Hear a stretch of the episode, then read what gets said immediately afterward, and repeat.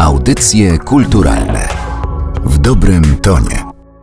Rozpoczynamy audycje kulturalne przy mikrofonie Aleksandra Galant. Dzisiaj przeniesiemy się na krakowskie przedmieście, dokładnie przed galerię Kordegarda, galerię Narodowego Centrum Kultury, bo tam już od jakiegoś czasu można oglądać wystawy prac, bo są to prace, które zwyciężyły w konkursie Baczyński bez filtra i taki też tytuł nosi ta wystawa. A więcej o samej wystawie, a także o tym, co na niej znajdujemy, a przede wszystkim o konkursie i przyświecającej mu idei, opowie pan Maciej Piwowarczuk, prezes Fundacji na Rzecz Wielkiej Historii, bo też to właśnie ta fundacja konkurs organizuje. Dzień dobry Państwu. To, że Baczyński jest niezwykle ważną osobą zarówno dla polskiej poezji, jak i w ogóle dla Polski, no, to jest rzecz oczywista. Natomiast pewnie coś sprawiło, że akurat w tym czasie państwo postanowili ogłosić konkurs. My tak trochę bluźnierczo podeszliśmy do tego, bo zadaliśmy sobie pytanie, a co by było, gdyby to ten Baczyński nie był oczywisty? Jako ta figura rozpoznawalna i kojarzona, to znaczy chcieliśmy wiedzieć, co się za Baczyńskim kryje i chcieliśmy wiedzieć, co się za nim kryje u ludzi, którzy go najwięcej czytają, bo go muszą czytać,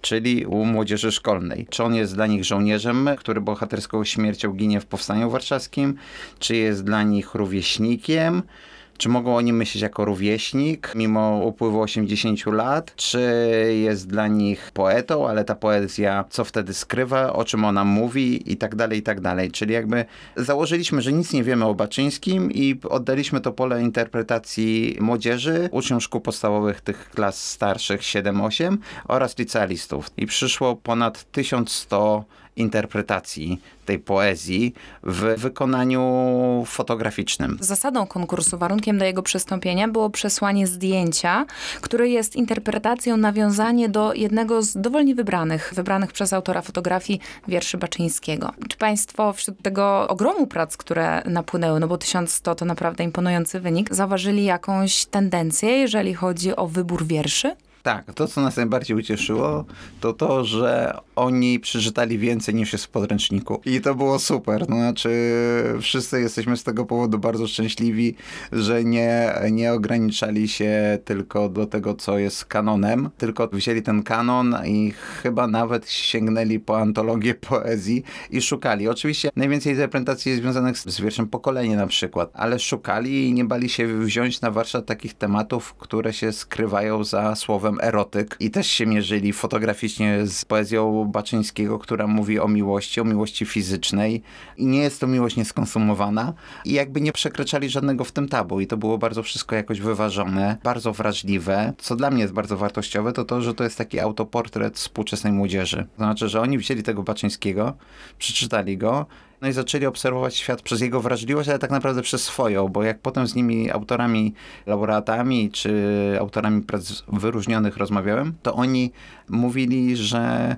po pierwsze, że konkurs odmienił ich życie i to jest dla mnie coś najcenniejszego, co mogę usłyszeć, a druga rzecz to, że ten konkurs pomógł i ten Baczyński pomógł im zdefiniować, co oni sami czują, co jest dla nich ważne.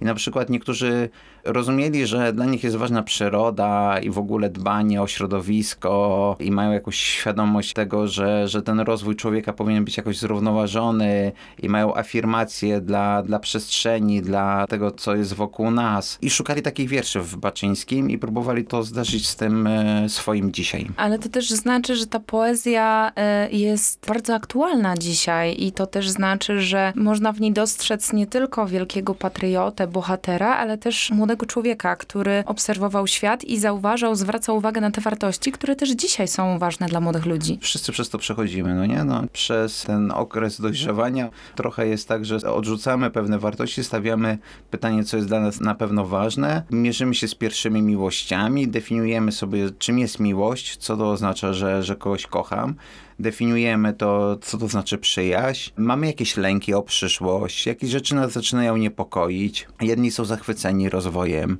inni w momencie dojrzewania bojkotują rozwój. I Baczyński to świetnie ujmował w poezji. Ja to pamiętam, że, że on dla mnie był bardzo ważny, kiedy ja miałem te 13-14 lat. Potem od niego odszedłem na rzecz Kroka bardziej się w tych krótkich strofach, które mi jednoznacznie mówiły, co mam robić i co mam myśleć, było mi prościej niż czytać wielowersową, wielopłaszczyznową poezję. Ona jest też trudna ale ci uczestnicy konkursu dali sobie z tym radę i mamy na, na, na krakowskim przedmieściu dzięki gościnności Narodowego Centrum Kultury mamy jakieś nieprawdopodobne zderzenie pokoleń. Bo z jednej strony mamy poezję człowieka, który umiera w 1944 roku. To są głównie wiersze pisane, te, które prezentujemy, to są głównie wiersze pisane w okresie wojny, a z drugiej strony mamy pokolenie jego rówieśników 80 lat później i to jest czas pandemii.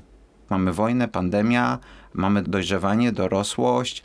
Ta wystawa ma jeszcze inny wymiar, bo my ogłosiliśmy wyniki tego konkursu na początku roku, 14 lutego, w walentynki. A 10 dni później zaczęła tak, się wojna. dokładnie, dokładnie. I to wszystko zmieniło. Myślę, że na te obrazy patrzy się inaczej, które młodzież teraz prezentuje na krakowskim przedmieściu. Taki łącznik, który ja bym widziała między wierszami Baczyńskiego, a tymi fotografiami, które my na krakowskim przedmieściu możemy oglądać, to jest niezwykła dojrzałość, prawda? Dojrzałość, która u młodych ludzi może nie tyle zaskakuje, co jest jakimś niesamowitym walorem, bo oczywiście nie chciałabym e, wyróżniać żadnego zdjęcia, które się na tej wystawie znalazły, natomiast jest taka fotografia do wiersza Piosenka Śnieżna Żołnierza. No to jest fotografia, która u mnie wywołała dreszcze, taka Naprawdę? nie, niesamowicie poruszająca. mamy, jak dobrze pamiętam, to mamy człowieka, który jest sfotografowany z perspektywy nieba. I on Taka biała tak, tak, twarz bia- przysypana tak, śniegiem. Tak, i on niby jest człowiekiem, niby klaunem. Ale też taką maską. No człowiek bez twarzy zawsze budzi niepokój. Tak, tak. To ja bardzo pani za to dziękuję. Za powiedzenie, że oni są dojrzali. Pomogłem pani sobie zdefiniować, co sam czuję. Więc bardzo, bardzo dziękuję, bo ja do tej pory mówiłem o tym, że one są wypracowane i przemyślane. Ale takie na pewno też są Tak, tylko... ale to chyba chodzi o tą dojrzałość. To znaczy, czyli dojrzałość, jeżeli dobrze rozumiem,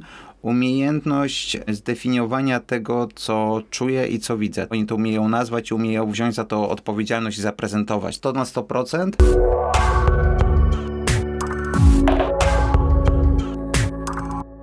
Jeszcze jedna rzecz, o której pomyślałam, bo my tutaj mówimy o dojrzałości, o dorosłości, ale z drugiej strony jedno ze zdjęć, które interpretuje wiersz Pokolenie, to jest grupa rówieśników, to jest zdjęcie w czerni bieli, oni chyba Tak. skaczą nad jakąś kałużą i w tym też jest Centrum jakaś... Warszawy. Tak? Centrum Warszawy, tak. I w tym też jest jakaś taka radość młodości, tak bym powiedziała. Mimo, że oczywiście zdjęcie jest czarno-białe, jest mocno refleksyjne, ale to jest to, z czym chyba powinna się kojarzyć młodość. Tych skojarzeń z młodością mamy wiele. Te zdjęcia mają jakiś taki inny wymiar, bo każdy z nich wykonuje symboliczny gest i każdy jest inny. Jedna osoba ma zakryte oczy, druga uszy, trzecia usta. Więc można powiedzieć, że trochę się uzupełniają, że jeden nie słyszy, to drugi słyszy, ale z drugiej strony też może to jest tak, że, że to jest takie pokoleniowe upominanie się. Ja mówię specjalnie pokoleniowe, bo myślę, że to jest wyznacznik młodości. To znaczy, że ci młodzi dorastają, Dlatego kiedyś się tworzyły subkultury, teraz nie wiem, czy, nie, czy się tworzą. Załóżmy, że tak, że jakieś subkultury się tworzą, żeby się wyrazić. Ja poszedłem w ten punk rock i potem metal, bo to czytanie poezji Baczyńskiego mi pomogło coś przeżyć i zdefiniować, ale to było za mało. Dwa lata później było we mnie tyle do powiedzenia, że chciałem krzyczeć idąc ulicą. I tutaj to zdjęcie też o tym trochę mówi,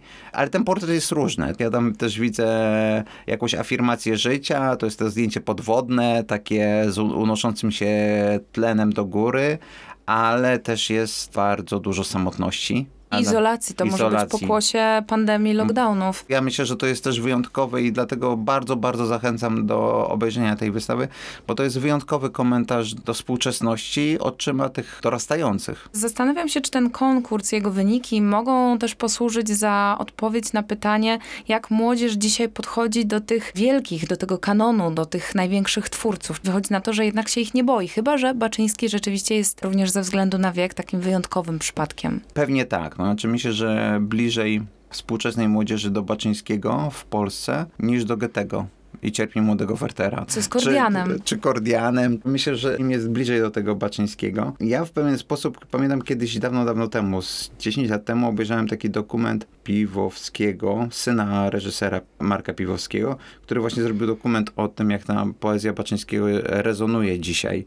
I ja byłem w szoku, bo ten dokument się zaczyna od tego, że jest slam poetycki, kiedy ludzie w jakiejś knajpie setka czy dwie setki osób robią taki jam session, y, czytając tą poezję Baczyńskiego. I to mi jakoś utkwiło w głowie, więc on w pewien sposób jest czytelny, ale myślę, że kluczem do tego sukcesu tego konkursu i kluczem w ogóle do interpretacji jest powiedzenie wprost, kim jest Baczyński dzisiaj, to zależy od ciebie. Więc my im pozwoliliśmy się wyrazić. Jakby w szkole jest mało przestrzeni do refleksji u młodzieży i nie daj Boże jeszcze dać im przestrzeń do wypowiedzenia tej ekspresji. I wydaje mi się, że tej przestrzeni jest za mało. Są te wszystkie bryki, są jedyne właściwe interpretacje, za które dostajemy takie, a nie inne punkty i tak dalej, i tak dalej. Nie ma nic prostszego niż zrobić konkurs, wziąć Sienkiewicza czy kogokolwiek z piedestału polskiej kultury i powiedzieć młodzieży, że powiedzcie mi, co o nim sądzicie. I myślę, że znów będzie tysiąc prac i znów będzie dwa tysiące prac i tak dalej, i tak dalej, bo oni ich czytają, a w tej szkole nie mogą o tym dyskutować, no nie? No znaczy, no jak już nauczycielka mnie nie posłucha, to naprawdę już jak mam przerwę, to ja wolę włączyć TikToka. To, co pan mówi, też obala ten mit współczesnej młodzieży jako takiej obojętnej, zobojętniałej na sztukę, na kulturę, przyklejonej do telefonów. Być może Baczyński jest już w telefonach, ale no to jednak pokazuje, że tej obojętności nie ma, że Nie ma. My dużo pracujemy w Fundacja z młodzieżą i myślę, że ta potrzeba ekspresji jest bardzo, bardzo silna. Mamy taki program stypendialny dla młodzieży, z której robimy kuratorów wystaw. Pod koniec października będziemy mieli taką dużą wystawę i zadaliśmy pytanie, oni na tą wystawę pracują półtora roku. To są licealiści warszawscy, jest ich kilkanaścioro, oni byli zrekrutowani. Zadaliśmy im na początku pytanie, dlaczego do nas przyszli. Oni mają stypendium, pracują z najlepszymi kuratorami w tym kraju i tak dalej, i tak dalej. I oni mówią, że przyszedłem po to, żeby się rozwinąć. Ja sobie myślę, że jeżeli ty jesteś uczniem rankingowego liceum z pierwszej piątki, i czujesz potrzebę aplikowania, zmierzenia się z sobą, napisania eseju, przejścia rekrutacji po to, żeby móc się rozwinąć, nie ma nic prostszego niż przyciągnąć młodzież, po prostu dajmy im możliwość wypowiedzenia się i rozwinięcia skrzydeł. A co z planami fundacji dotyczącymi samego konkursu? Czy kolejna edycja Baczyński bez filtra za rok, czy za rok może będzie kto inny bez filtra? Za rok będzie kto inny bez filtra. Nie wiem kto jeszcze. Jutro rozmawiam ze sponsorem. Mamy kilka propozycji. A z samym Baczyńskim dla nas ten konkurs jest też nieprawdopodobny, bo on pokazuje te pola interpretacji i wydajemy album. Na grudzień wydamy album, w którym zestawimy te fotografie z poezją Baczyńskiego, ale do tego dodajemy jeszcze komentarz polonisty który odczytuje tą fotografię właśnie przez pryzmat szkoły, lekcji języka polskiego i z drugiej strony dajemy komentarz fotografa, który mówi o tym, co w tej fotografii można zmienić, co nie, co go zaskakuje, bo to też jest ważne, że te fotografie były oceniane z perspektywy wieku. To znaczy, że oceniając tę pracę, patrzyliśmy na to, że to zdjęcie zrobił dwunastolatek. Nie możemy być tacy surowi, no nie? ono ma prawo być trochę niedoświetlone, prawda? Bo to 12 lat. Myślę, że to będzie bardzo wartościowa pozycja w szkolnej bibliotece, po którą mam nadzieję będą sięgać sami uczniowie, ale bardzo mi zależy na tym, żeby sięgnęli nauczyciele. I myślę sobie, że jeżeli im damy narzędzie i pokażemy im, patrzcie jakie fajne rzeczy wyszły, bo wiele tych prac, które są prezentowane pod Kordegardą, to są prace, które były robione pod nadzorem nauczyciela. Jednego dnia dostaliśmy całą serię zdjęć z jednej skrzynki mailowej. No to domyślałem się, że to była skrzynka mailowa nauczycielki, która po prostu wysyłała kolejne zdjęcia ucznia. Chcemy to rozwijać, myślimy, że to jest bardzo wartościowe. Ten konkurs pokazał, że to jest właściwy sposób na prowadzenie dialogu z młodzieżą i też właściwy sposób na to, żeby młodzież prowadziła ten dialog z przeszłością. Takich inicjatyw więcej, a myślę, że też nie trzeba robić ogólnopolskich konkursów, przekonywać sponsorów, bo to zmusza mnie do założenia garnituru, tylko sami nauczyciele czasami mogą sobie pozwolić na pewną nonszalancję, zamknięcie podręcznika i powiedzenia wyjmujemy komórki, robimy zdjęcia. A efekty tego wszystkiego, czyli konkretnie konkursu Baczyński bez filtra, można oglądać do 18 sierpnia przed Galerią Kordegarda na krakowskim przedmieściu w Warszawie. A gościem audycji kulturalnych był dzisiaj pan Maciej Piwowarczuk, prezes Fundacji na Rzecz Wielkich Historii, która ten konkurs zorganizowała. Bardzo dziękuję za rozmowę. Super, dzięki. Audycje kulturalne w dobrym tonie.